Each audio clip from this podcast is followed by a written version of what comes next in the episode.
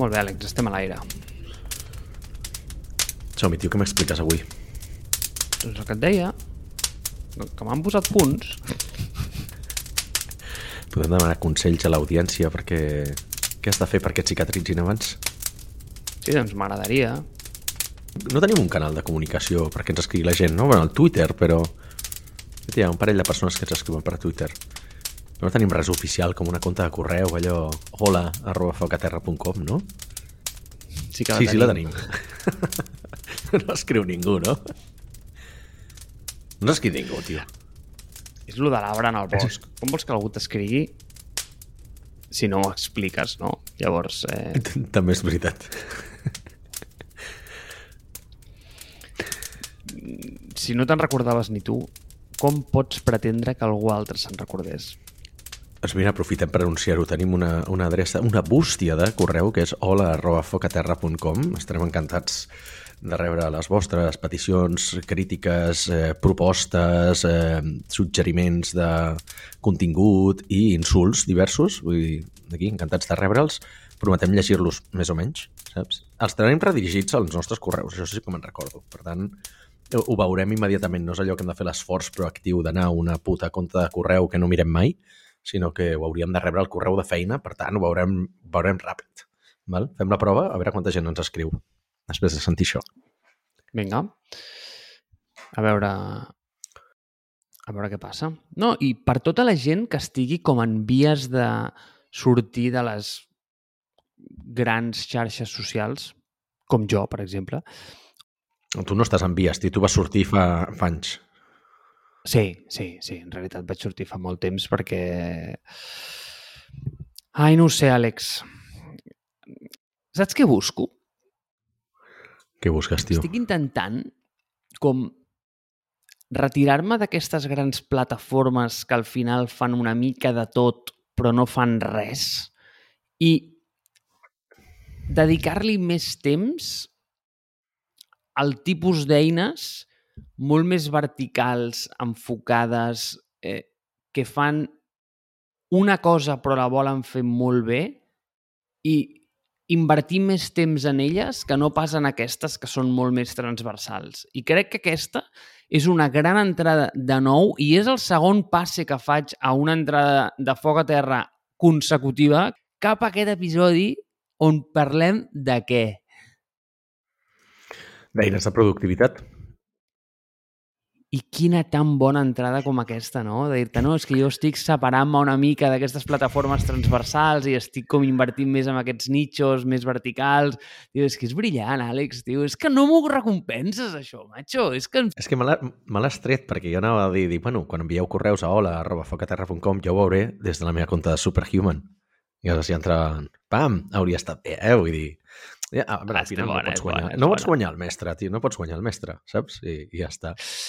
Va, per quina comencem? Comencem per, comencem per correu o no? Ho dic perquè ja... mm, Sembla que és un tema que d'alguna manera hem tocat i algun cop, però serveix per exposar... No, mira, deixem, deixem, deixem el correu pel final perquè és que em, em lligarà amb un concepte que vull, vull fer per tancar, val? per tant me, me l'apunto.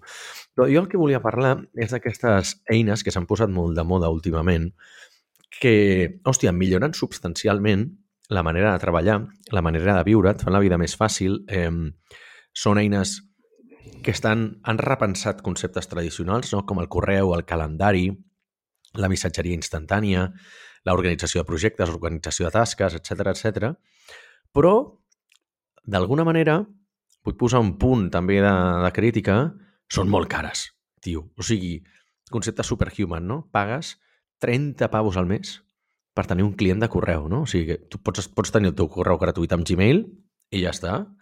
Pots tenir i altres clients de, de correu. En el seu moment, eh, ara no me'n recordo, eh, però Newton, Spark, tots aquests eh, clients de correus, em sembla que alguns són gratuïts, alguns són de pagament, són eines que fiques per sobre, diguem, de la infraestructura de Gmail o la, la tipologia de correu que facis servir i et donen certes funcionalitats que no té Gmail, una interfície millor, et donen més velocitat, no? t'ho fan més maco, etc etc. I també et donen aplicacions natives pel mòbil, i tot això. I, hòstia, vull trobar, a veure quin és el, el punt d'equilibri entre aquest, això, no? la, la conveniència de fer-la servir i el preu que pagues. Val? Tu quines en fas servir d'aquestes? Si fas servir alguna per correus, per notes, per to-dos, per calendari... Pagues? Tens alguna d'aquestes que dius que han sortit en els últims cinc anys? Perquè ens entenguem? Per contestar-te, abans, a un, un apunt que has dit, i és que Alec Rodríguez m'avergonyeix que tu hagis dit això, eh? Atenció al que has dit, eh? Has dit que et semblen... No, però a veure, sé, sé, sé per on vas i entenc el que has dit, eh? Però vull dir, aquí s'ha de jugar una mica a fer el, el, el polidolent, encara que, tio, és que no sóc el polidolent, és que se'm dona fatal ser el polidolent. Però va, ho has fet molt malament, ¿vale? Has dit que el software d'aquests tios és car, ¿vale? Diu, tu no, tu no em pots dir això. Un tio que ven software no em pot dir que el software d'aquest tio és car. Perquè tu, macho, tu ets caríssim, hòstia. No, um, em refereixo, clar, és car... És car en relació a les alternatives. M'explico. Crec que s'estan aprofitant molt d'aquesta pandèmia que hi ha hagut de les subscripcions. M'explico. Un client de correu, antes, antes, o sigui, el software, abans, ja, moment polla vella, eh? tu pagaves una, una llicència un cop i deies, hòstia, que car, de pagar 100 euros per aquest software o 50 euros per aquest software, és caríssim. I avui en dia paguem això anualment val, ad infinitum i no hi pensem. Per un software que tampoc és molt millor. Val?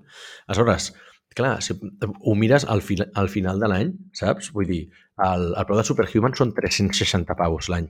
Val? 360 paus l'any fa 5 o 6 anys que el dec fer servir, doncs imagina't, saps? Vull dir, he pagat més de 1.000 euros per aquest, per aquest software, que és un gestor de correu. Que a mi, jo el pago encantat, i aquí ve l'altra part de l'equació, eh? per això volia deixar una miqueta cap al, pel final, però bueno, ja hi tornarem a aquest concepte, que és el de dir quantes hores m'ha salvat, no? quantes hores m'ha estalviat. Val? Però trobo el Superhuman li veig un avantatge claríssima, però és veritat que hi ha molts que s'estan aprofitant d'aquesta onada, d'aquestes eines més, més fancy, més inclús pijetes, si tu vols, que estan molt ben fetes, amb un toc de producte exquisit, molt ben dissenyades i, tot això, que potser s'estan aprofitant d'aquesta onada d'eines de superproductivitat maques, però cares, i no sé si a totes els hi sortirà bé la jugada. Aquest és el meu punt. Per Superhuman i ho pago encantat. Però n'hi ha d'altres que les estic veient i dic entenc que vulgui ser un Superhuman, però el valor que aportes no és exactament el mateix, perquè una persona com jo es podia passar perfectament al dia 8 hores amb el correu. I a mi, jo calculo que dues hores al dia me les estalvia. Les meves dues hores són més cares que la mensualitat de Superhuman. Per tant, em surt a compte. Val? Però no sé si aquestes mateixes eines, per gent que no té el meu càrrec o el meu preu per hora, perquè ens entenguem, els hi surt a compte, saps? I si el valor que aporten és tan alt com el de Superhuman, que al final el correu és una eina de facto de comunicació per empreses i per business. Això és el que volia dir. Gràcies per l'aclaració, Àlex. Ara ja puc contestar-te la teva pregunta de quines eines faig servir i quines no. Ara sí. Ara, ara que sabem Foli. que realment que el software dels altres és molt car i el teu és molt barat, val? ara, ara ja ho podeu contestar. Vale? Mira, amb mi acabaràs molt ràpid, perquè Va. jo no faig servir moltes. Vale? Notion, i ja està, no? Ah, igual et sorprenc, eh? Igual et sorprenc. Igual et sorprenc amb alguna. A veure, per mi hi ha una que, com bé tu dius, és una llicència d'aquestes old school, Val. Que és possiblement la primera cosa que instal·lo en l'ordinador quan comencem des de zero i fem un, un clean install. Magnet. Va, doncs en són dos, llavors. En són Val. dos.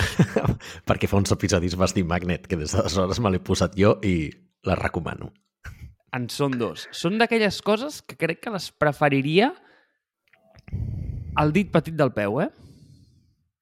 Bueno, sí, clar. S'ha anat a dir la part més inútil del cos, saps? Bueno, Et sorprendria perquè serveix el dit petit. Podríem fer un episodi d'això, tinc opinions. Però és igual, no entrarem al tema, val? No entrarem al tema. Val. Sí, i que evolutivament no dic que hi hagi data sobre això, eh? però estic segur que la generació Z i la que ve després té els dits dels peus més petits que nosaltres, però és igual. Val. Dit això... Va, sí, perquè han de passar sí, menys temps de peu, no? Perquè em sembla que està relacionat amb l'equilibri, si no recordo malament. Per tant, pot ser que no el necessitin tant. Tio, està relacionat tangent, eh? perquè... Qui- Quina tangent, sí, no, eh? petita tangent, sí, sí, petita tangent. Està relacionat amb que dintre de poc els nens, en lloc de sortir amb un puto pas sota el braç, sortiran amb una merda de telèfon mòbil. Però això és, Ah, això és, és, és, una, és un altre tema. Sí, els nens ara ja venen amb un telèfon mòbil sota el braç, no amb un pa. Generalment el pa és un tema més útil per, la continuïtat de la raça humana, però és igual. Vinga. Acebot. Vinga. Exacte. I l'altre és Ah. Pastebot. Sí, Àlex. Doncs et, sí. et sorprendrà saber que faig servir les dues jo ara per culpa teva. O sigui, t'estic agraït, que- et dono gràcies públicament, perquè són molt bones. Però tu saps com... Mira, ho sento, eh? eh jo, jo igual sí que he posat una mica de maldat al món, no ho sé, igual sí, em sap greu, demano disculpes, val? si he fet alguna malament, si algun dia vaig tallar el pas a una vella mentre passava pel carrer o alguna cosa que sense voler, i em sap greu, però he posat molt bé al món recomanant aquestes eines, eh, Àlex? Però molt, eh? Molta gent els hi he recomanat i em diuen, tio, no sé com collons podia viure sense això. Clar. Per tant, aquestes dos, total. Però a veure, aquí tampoc hem trencat la banca perquè una val 9,99 una vegada i l'altra em sembla que val 3 cèntims. O sigui, no. Per tant, és software, no no compten. software a l'antiga. Clar, és software a l'antiga, no és, o sigui, com llicència. Al final, totes les eines de Mac funcionen així, no? Eh, a mi se m'ha acudit, per exemple, Bartender o Alfred, no? O Alfred o Raycast, que són... et canvien el... Hòstia, com es diu la merda aquesta del Mac? Es, es diu Spotlight, el cercador de Mac, el que fas eh, Command eh, Spy, et canvien a. Spotlight, que és una eina bastant inútil, eh, o que, que no arriba al potencial que, al que podria esperar d'això, i li dona superpoders de poder fer doncs, combinacions de, de tecles més potents, eh, li dona shortcuts, pots buscar dintre d'arxius, pots buscar, saps? Vull dir, pots fer més operacions matemàtiques, pots fer fórmules, etc etc. que amb l'Spotlight mm, prou feines pots sumar i restar no? amb el base de Mac. En canvi, compres Alfred o Raycast, pots millorar això. A més, li pots donar els superpoders d'intel·ligència artificial, però també és una llicència de pagar un cop. No? Aleshores, aquests m'interessen menys que els que són de llicència recurrent, però també està bé, també men- mencionem-los, perquè dic, ja que estem, eh, jo recomano aquestes, aquestes eines. Eh? Seguim. Seguim. Seguim. Què més faig servir? Una altra que per mi és inestimable i de veritat, eh? Crec que és d'aquelles que, sens dubte, et canvia la vida. One Password. Val molt poc. Pel valor que t'aporta val molt poc. 39 euros l'any, crec que al final això, res, vull dir, com dirien els millennials com nosaltres, pèl amb 10, val? vull dir, això res. Això poc. Evidentment, sí, tu has dit Notion, però Notion pago ja però per un tema de respecte. És a dir, tio, és una eina que la faig servir tan, tan, tan, tan, tan, tan, tan, que podria anar amb el plan gratis, perquè el plan gratis és extremadament generós, però extremadament. Però és que, ei, tios, em calleu bé, en sèrio. O sigui, és que feu les coses molt bé. Ho feu molt bé. De veritat, és d'aquelles que pagues quasi, quasi per dir tio, és que vull que seguiu endavant i que les coses us vagin bé. Malgrat, dit això, i aquí és on ve el meu contraargument sobre el tema. Què passa amb totes aquestes eines quan escalen? I és una mica el concepte. I anem a posar dos exemples una mica diferents. En podíem posar tres, però de moment començarem amb dos. O sigui, aquestes eines tan verticals sempre tenen un endgame, no? I és el de dir, mira, tu, quan m'has mencionat el fet de que per tu et semblaven cares, clar, per què? Perquè d'alguna manera aquests tios tenen un problema que la gent sol tenir, a menys que et diguis Apple, Microsoft, etc, etc, i és que del, del teu core business, és a dir, de la teva activitat vertical principal, has de fotre calés. ¿vale? Llavors, fer calés és un problema perquè és difícil. Contractar desenvolupadors que estan estàs competint amb ells, amb companyies que tenen mm, bueno, la cova d'Alibaba a, a la banca, pues, és, és complicat, no? Perquè tenen molts diners. Llavors, anem a posar un exemple trivial.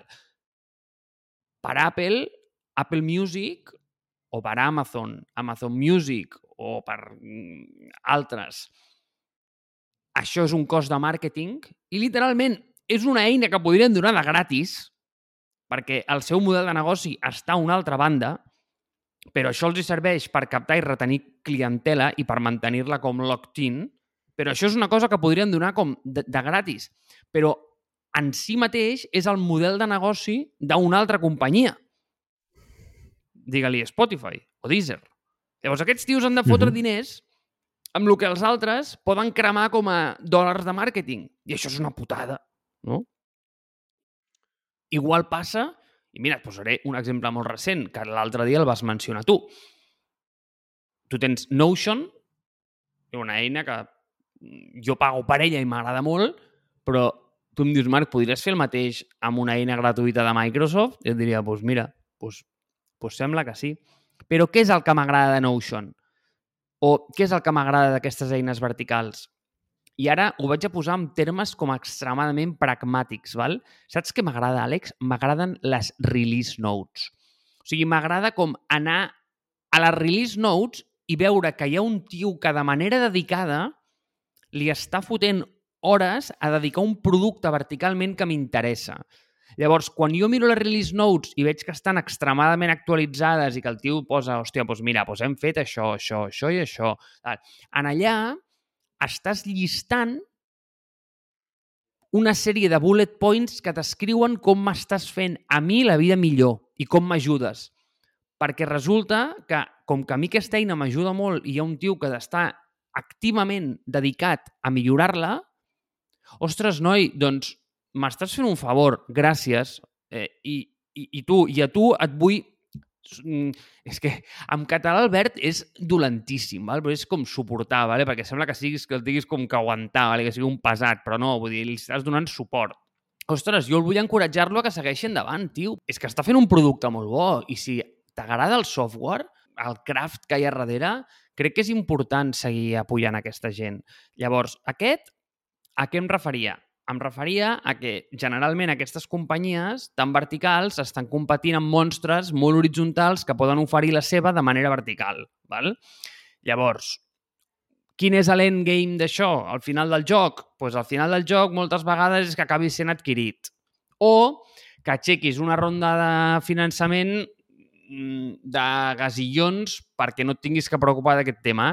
El primer exemple, podríem dir, mm, per exemple, per posar alguna recent, Figma, que ha sigut adquirida per Adobe per una quantitat mm, que no pots ni escriure eh, en un DIN A4, o eh, One Password, que ha sigut eh, finançada per la, una quantitat, mm, diguem, semblant. Val? Bon, sé que és a escales menors, però... Que no però... Que menor... a, apaisat, no? Apaisat, exacte, exacte. Per, per tant, un eh, és apaisat, l'altre és d'això, però, bueno, però que igualment no pots escriure, aquest és el punt. Llavors, mm, tens aquestes opcions, què pot passar? Pues que si tens una ronda de finançament d'aquest tipus, els incentius dintre de la, de la teva estructura igual canvien perquè has de fer feliç a uns tios que es diuen inversors en lloc de fer-te feliç a uns tios que es diuen usuaris que generalment quan és un late stage d'aquesta manera no sol passar tant, eh? però podem parlar-ne. I l'altre és el d'és adquirit, que llavors què et pot passar? Pot passar que t'adquireixi Google, en, en tal cas eh, et desmanteli, eh, t'incorpori, t'oblidi i s'hagi acabat el teu joc, i tu com a founder et piris i, i s'acabi la teva vida, o pot passar-te com, espero i creu amb els dits, com Adobe i segueixis endavant, no?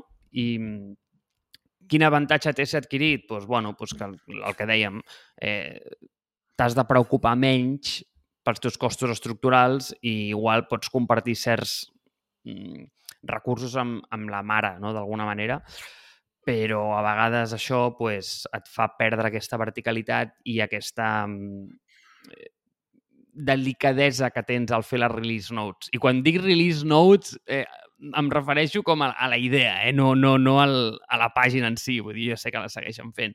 Però, per exemple, després de que One Password eh, hagués sigut mega invertida per 10.000 melons d'euros i de dòlars i de tot, tio, segueix fent unes release notes com les llegeixo cada vegada. Són una meravella. És, potser tenen una persona dedicada, o sigui, Slack, es van fer famosos, una de les coses, per, a veure, Slack es va fer famós per moltes coses, eh?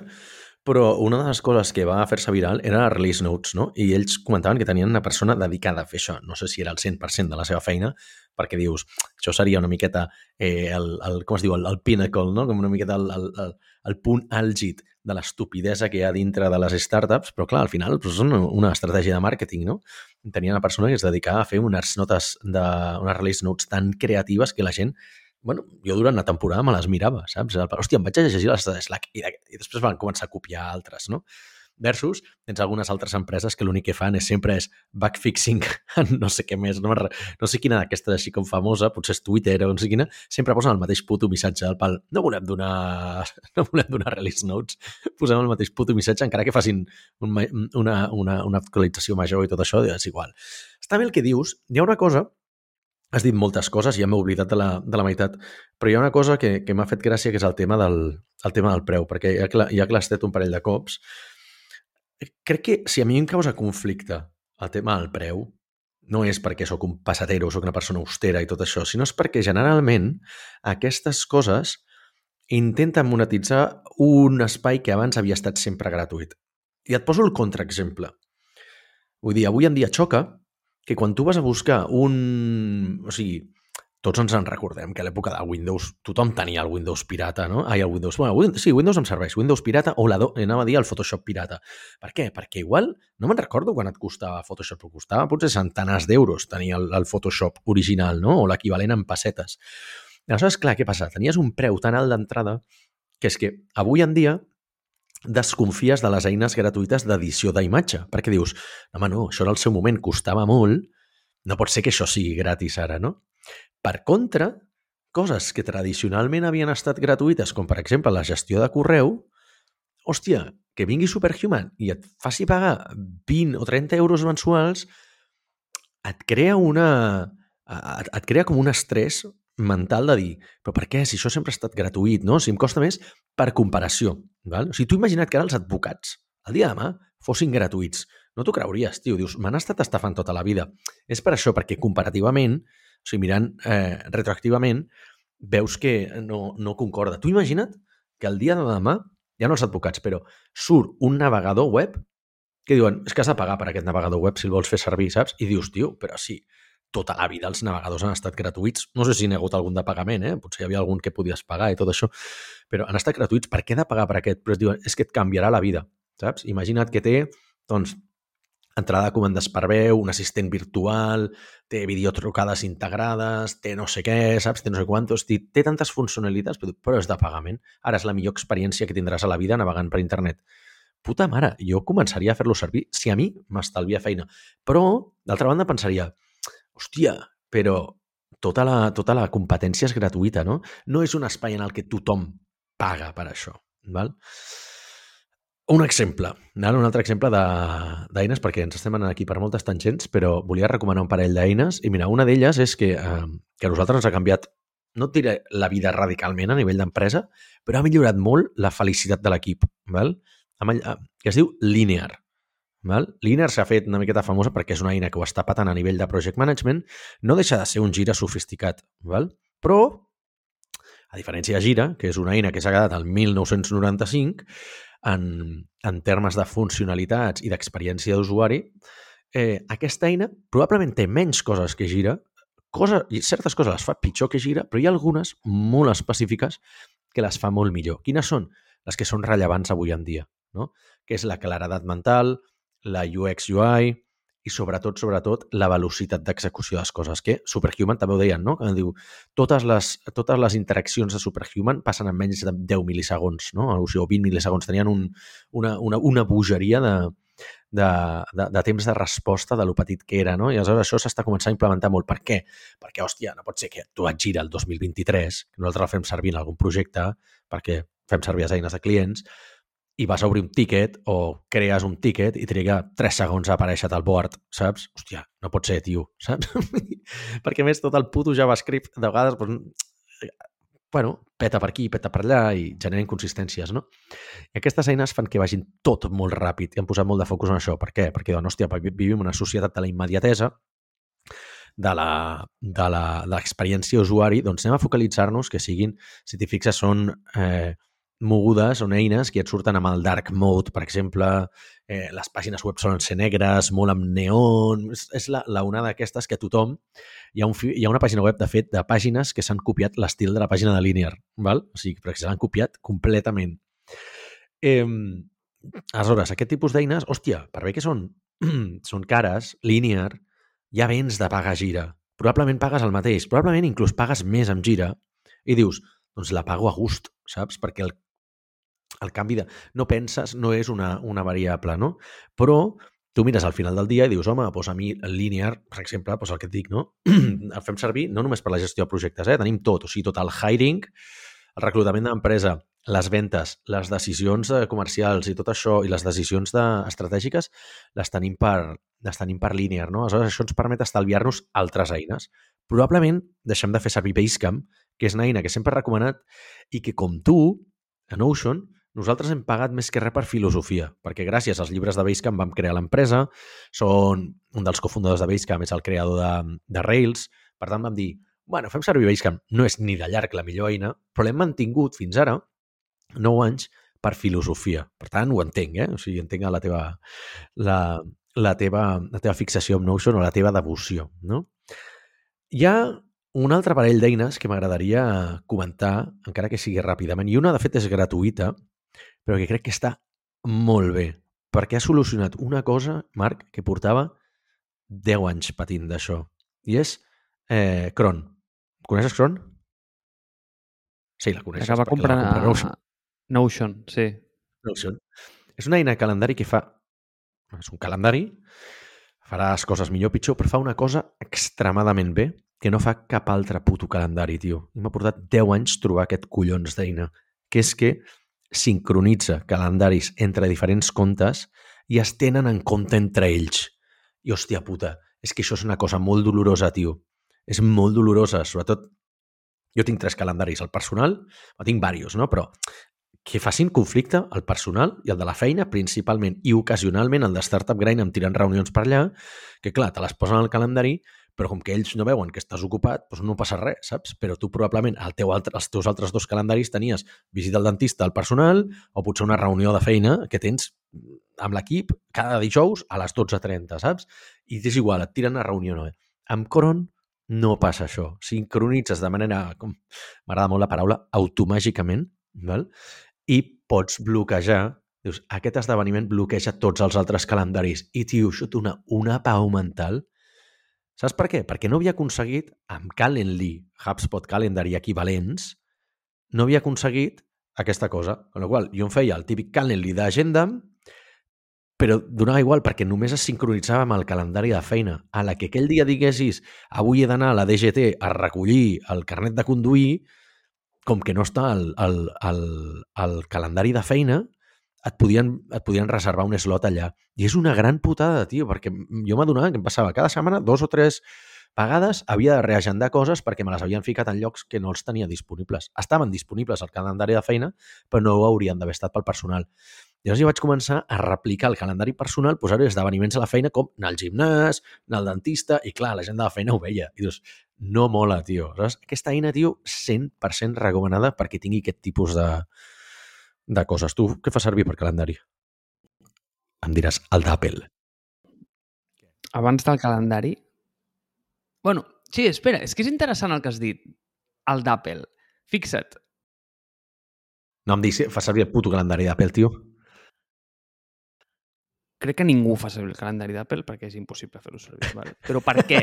per què? Per què? Perquè fa un moment em dius, ostres, estem pagant per eines que solien ser gratuïtes, però vale, o sigui, i aquí és quan et torno la pilota amb el meu primer punt que et deia, no, mira, és que el problema d'aquestes companyies, quin és? És que són tan transversals que ells, tio, el calendari el tenen allà, mira, fill, perquè mm, la tieta el faci servir eh, i, i, i vegi que hi ha un calendari, però és, és in, in, inutilitzable. Val? El correu, igual. Llavors em dius, hòstia, eh, que no són gratuïtes i aquestes eines. Sí, són gratuïtes, però el fet de que aquestes companyies tinguin aquesta transversalitat i aquesta deixadesa en aquestes eines i el seu foco Ja. en el model de negoci s'han anat per una altra banda, val?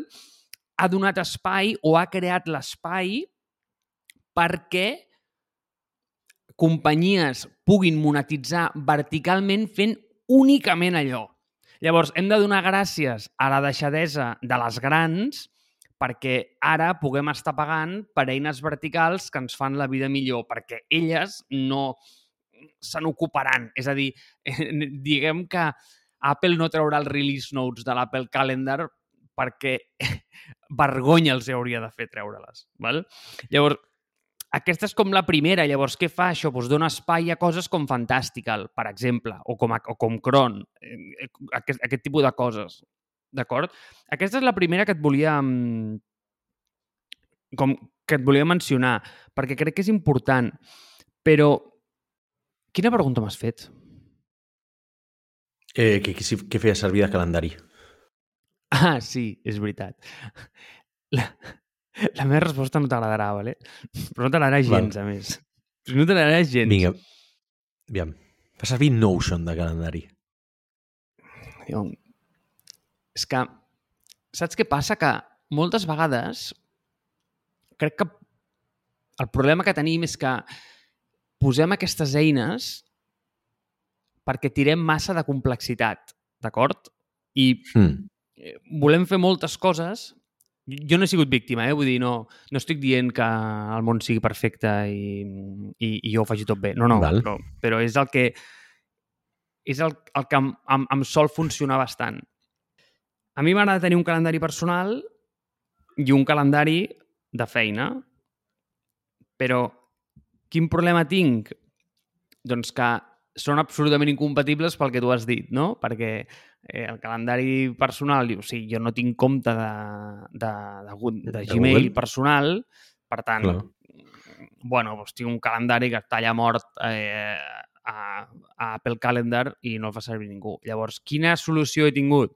pues, he eliminat aquell calendari d'una directament, no en vull saber res d'ell, i el que faig és que faig servir el correu de, i el mail de la feina absolutament per tot. Val. I m'és igual la resta, m'és igual. I sé que la solució no és perfecta, però em dona tanta senzillesa i tanta simplicitat que és que ho prefereixo. Només en tinc un, únicament un. I només, i llavors què passa? Oh, Marc, és que canviaràs de feina dintre de 3 anys. Aquell dia hauré de parlar amb tres o quatre persones que m'envien molts events de calendari i dir-los ei, escolta, que m'he canviat el correu, tal, és un altre. Però a, aquest mal em suposa menys dolor que no pas el fet de tenir que tenir una solució que et gestiona els dos calendaris com a la vegada, tal, perquè, evidentment, és el que tu dius, una solapa i et posen la, la reunió el dia que tens un dentista. Quina putada, no? Perquè ara els has d'explicar que tenies un dentista, però que l'eslot estava de calendari estava buit, o ells el veien buit, però en realitat no estava buit, estava ple, però era un altre calendari que no has pogut agendar, tal, i és un cunyàs, no? Aquesta mm, necessitat autocreada que és real, és real, però és autocreada, jo vull pensar que no ho és, i llavors, pues, bueno, mm, intento... Per exemple, amb una altra cosa que sóc nòmada és amb els contactes. Em va perfecte que mencionis els contactes, perquè és el que anava a comentar després, però digues. Digues. Vale?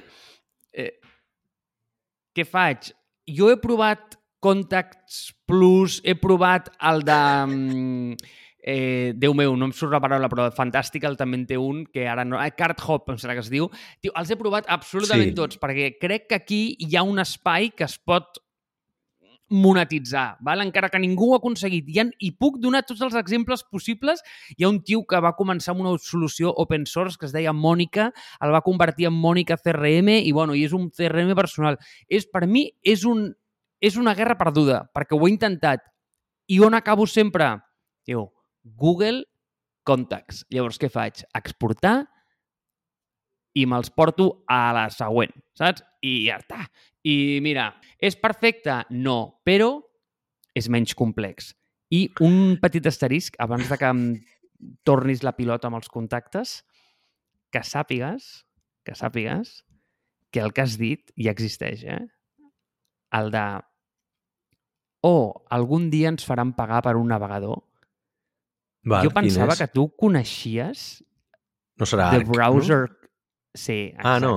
The Browser Vale. Company és els creadors d'Arc, exacte, Arc. No l'he no fet servir encara, eh? Vull dir, està allà en la meva llista de coses per provar, però com que vaig sortir escaldat de provar Brave, tio, eh, ara sóc més reticent a, a tornar a canviar de navegador, eh? Però ja veurem, perquè ara m'he canviat de banc, per tant ja no tinc caixa enginyers. Eh, aplaus, si us plau, després de 3 anys.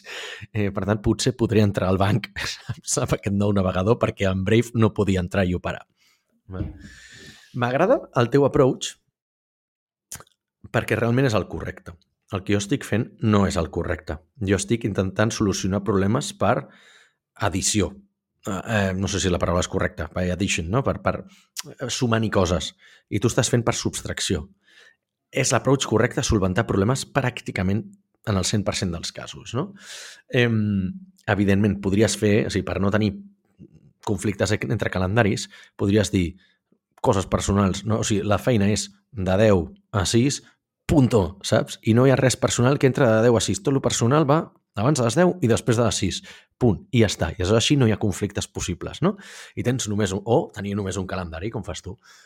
Però tots sabem que la vida és una miqueta més complexa que això i de vegades el cost de gestionar totes aquestes excepcions, com és en el meu cas, que tinc feina que de vegades és per la nit, de vegades molt més aviat al matí, de vegades tinc viatges, de vegades tinc, estic en time zones diferents, com eh, durant tot el mes d'abril, que estaré a San Francisco. Per tant, eh, puc bloquejar-me mm, l'horari laboral d'aquí, però aleshores em tiraran reunions a aquestes hores jo estaré dormint a San Francisco, no em serveix de res, no? Aleshores, hi ha casuístiques molt més específiques, en l'1% dels casos, que probablement som els que estem disposats a pagar per això. Per tant, per això dic que totes aquestes eines són cares per la gent potser que té feines més normals o que no depèn tant de la feina o que té, saps, dir, té, té més feina 9 to 5, perquè ens entenguem, i els hi va bé, i els hi compleixen el 90% dels casos i poden lidiar amb les excepcions amb les eines gratuïtes i, per tant, deixar aquestes, les pijeries, per la gent que realment les necessitem. Val?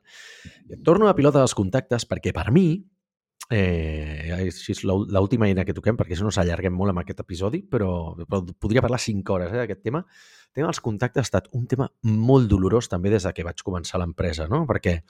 Doncs perquè al final a mi se'm mescla molt lo personal i lo, i lo, i lo laboral. I, again, no? tinc els contactes de tota la vida, tinc els contactes de feina que els tinc a Facebook, alguns que només estan a LinkedIn, alguns que interactuo per Slack, alguns per Twitter, no? Per missatges directes per Twitter. Tinc tres comptes de correu. bueno, tinc moltes més, no? però vull dir, les principals són tres. Personal, Startup Grind i Mars-Based. No? Sense ordre de, de preferència en aquest cas. Aleshores, què passa? Que la gestió de contactes per a algú que es, des, que es dedica al desenvolupament de negoci com jo, és a dir, que el que ha de fer és reunir-se amb gent, fer videotrucades amb gent, esmorzar amb gent, dinar amb gent, fer un ca- cafè amb gent, eh, fer una cervesa amb gent, sopar amb gent o emborratxar-se amb gent o anar a donar conferències i anar a visitar esdeveniments i, i, i- fires i, i convencions de tot tipus, et mous amb molta gent, saps? Vull dir, a LinkedIn tinc com 15.000 contactes. Eh, evidentment no conec ni la meitat d'aquests, no? Però sí que al meu correu en tinc més de 5.000. Val? Eh, tot això ho has de tenir organitzat, d'alguna manera, perquè si no és un putíssim caos. Val? I aleshores porto molts anys, molts, molts anys, clar, escanejant targetes de visita, un drama. No en parlarem d'aquest tema perquè encara se'n dona el 2023. Però porto, tinc un problema molt gran amb què no tens temps material de tenir això organitzat de manera automàtica. Per tant, Contacts Plus, no? El vaig utilitzar i el donaré a baixa mm, ipso facto. Per què? Perquè sí, més o menys m'ha ajudat a tenir actualitzat això de, en backgrounds, és una eina de, de gestió de contactes que s'anà actualitzant i et diu, mira, aquesta persona ha canviat de feina, vols actualitzar? Sí, hem trobat duplicats a la teva, a la teva adreça de contactes, doncs, eh, doncs eh, vinga, pots, fer, pots ajuntar-los, no? Escanejar les targetes de visita t'ho fa automàticament, que en realitat em sembla que tenen un equip a Ucraïna que es dedica a fer-ho manualment, o ho fan amb Amazon Mechanical Turk, eh? o sigui que no, no és intel·ligència artificial ni OCR. Però bueno, és una eina amb la que he anat tirant, però no l'he acabat fent servir moltíssim. Val? I aquesta setmana t'hi he trobat una eina que, a priori, val? perquè la vaig configurar ahir, sigui, encara no tinc això, però fa molt bona pinta i és una d'aquestes eines de dark mode, eh? pàgina web negra, saps? Aplicacions natives, així com super flashy, no sé què, i es diu Clay, com fang en anglès, val? Clay.earth. O sigui, clay.earth, o sigui, terra en anglès.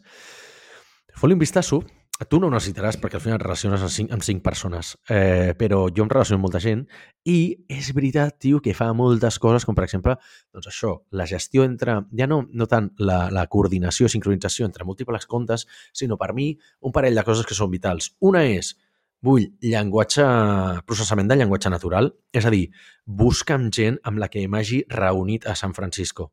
Val? Perquè si no, quan vaig cap allà un cop a l'any, o dos, no normalment em reuneixo sempre amb la mateixa gent. Reunir-me amb una persona nova no m'ajuda gaire. Val? A mi m'ajuda molt reunir-me sempre amb la mateixa gent. Llavors aquí li puc dir, busca'm, perquè es coordina amb el teu Google Calendar, busca'm amb qui m'he reunit a San Francisco i t'ho troba, tio. I això és molt màgic. Busca'm o digue'm amb, amb qui no he parlat en un any.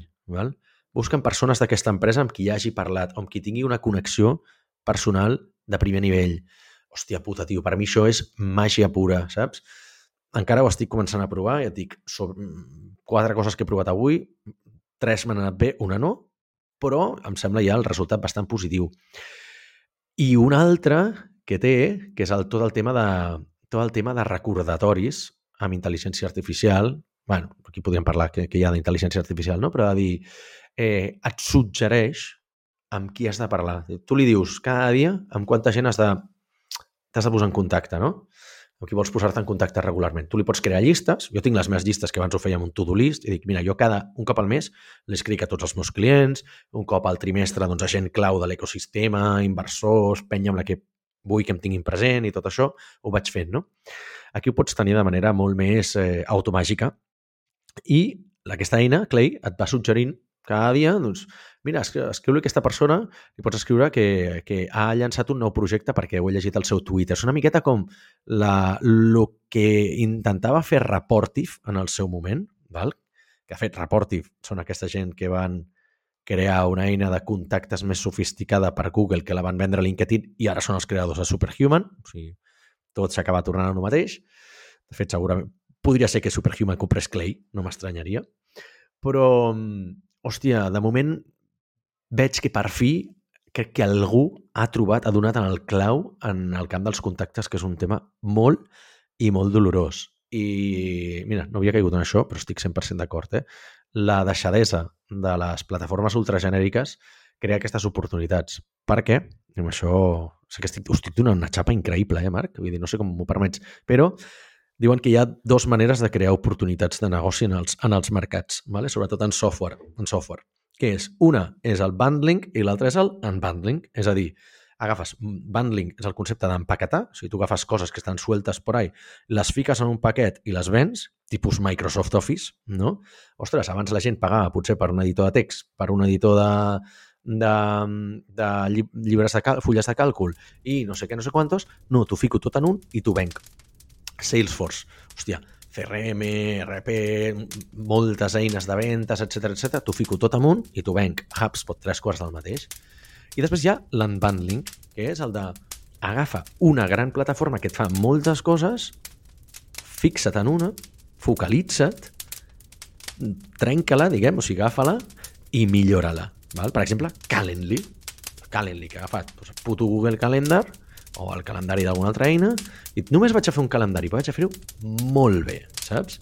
Eh, MailTrack, no? que al final és una, una eina que et fa el de read receipts, eh, que això t'ho fan, molts CRMs tenen l'acusament la, la, de rebuda als correus.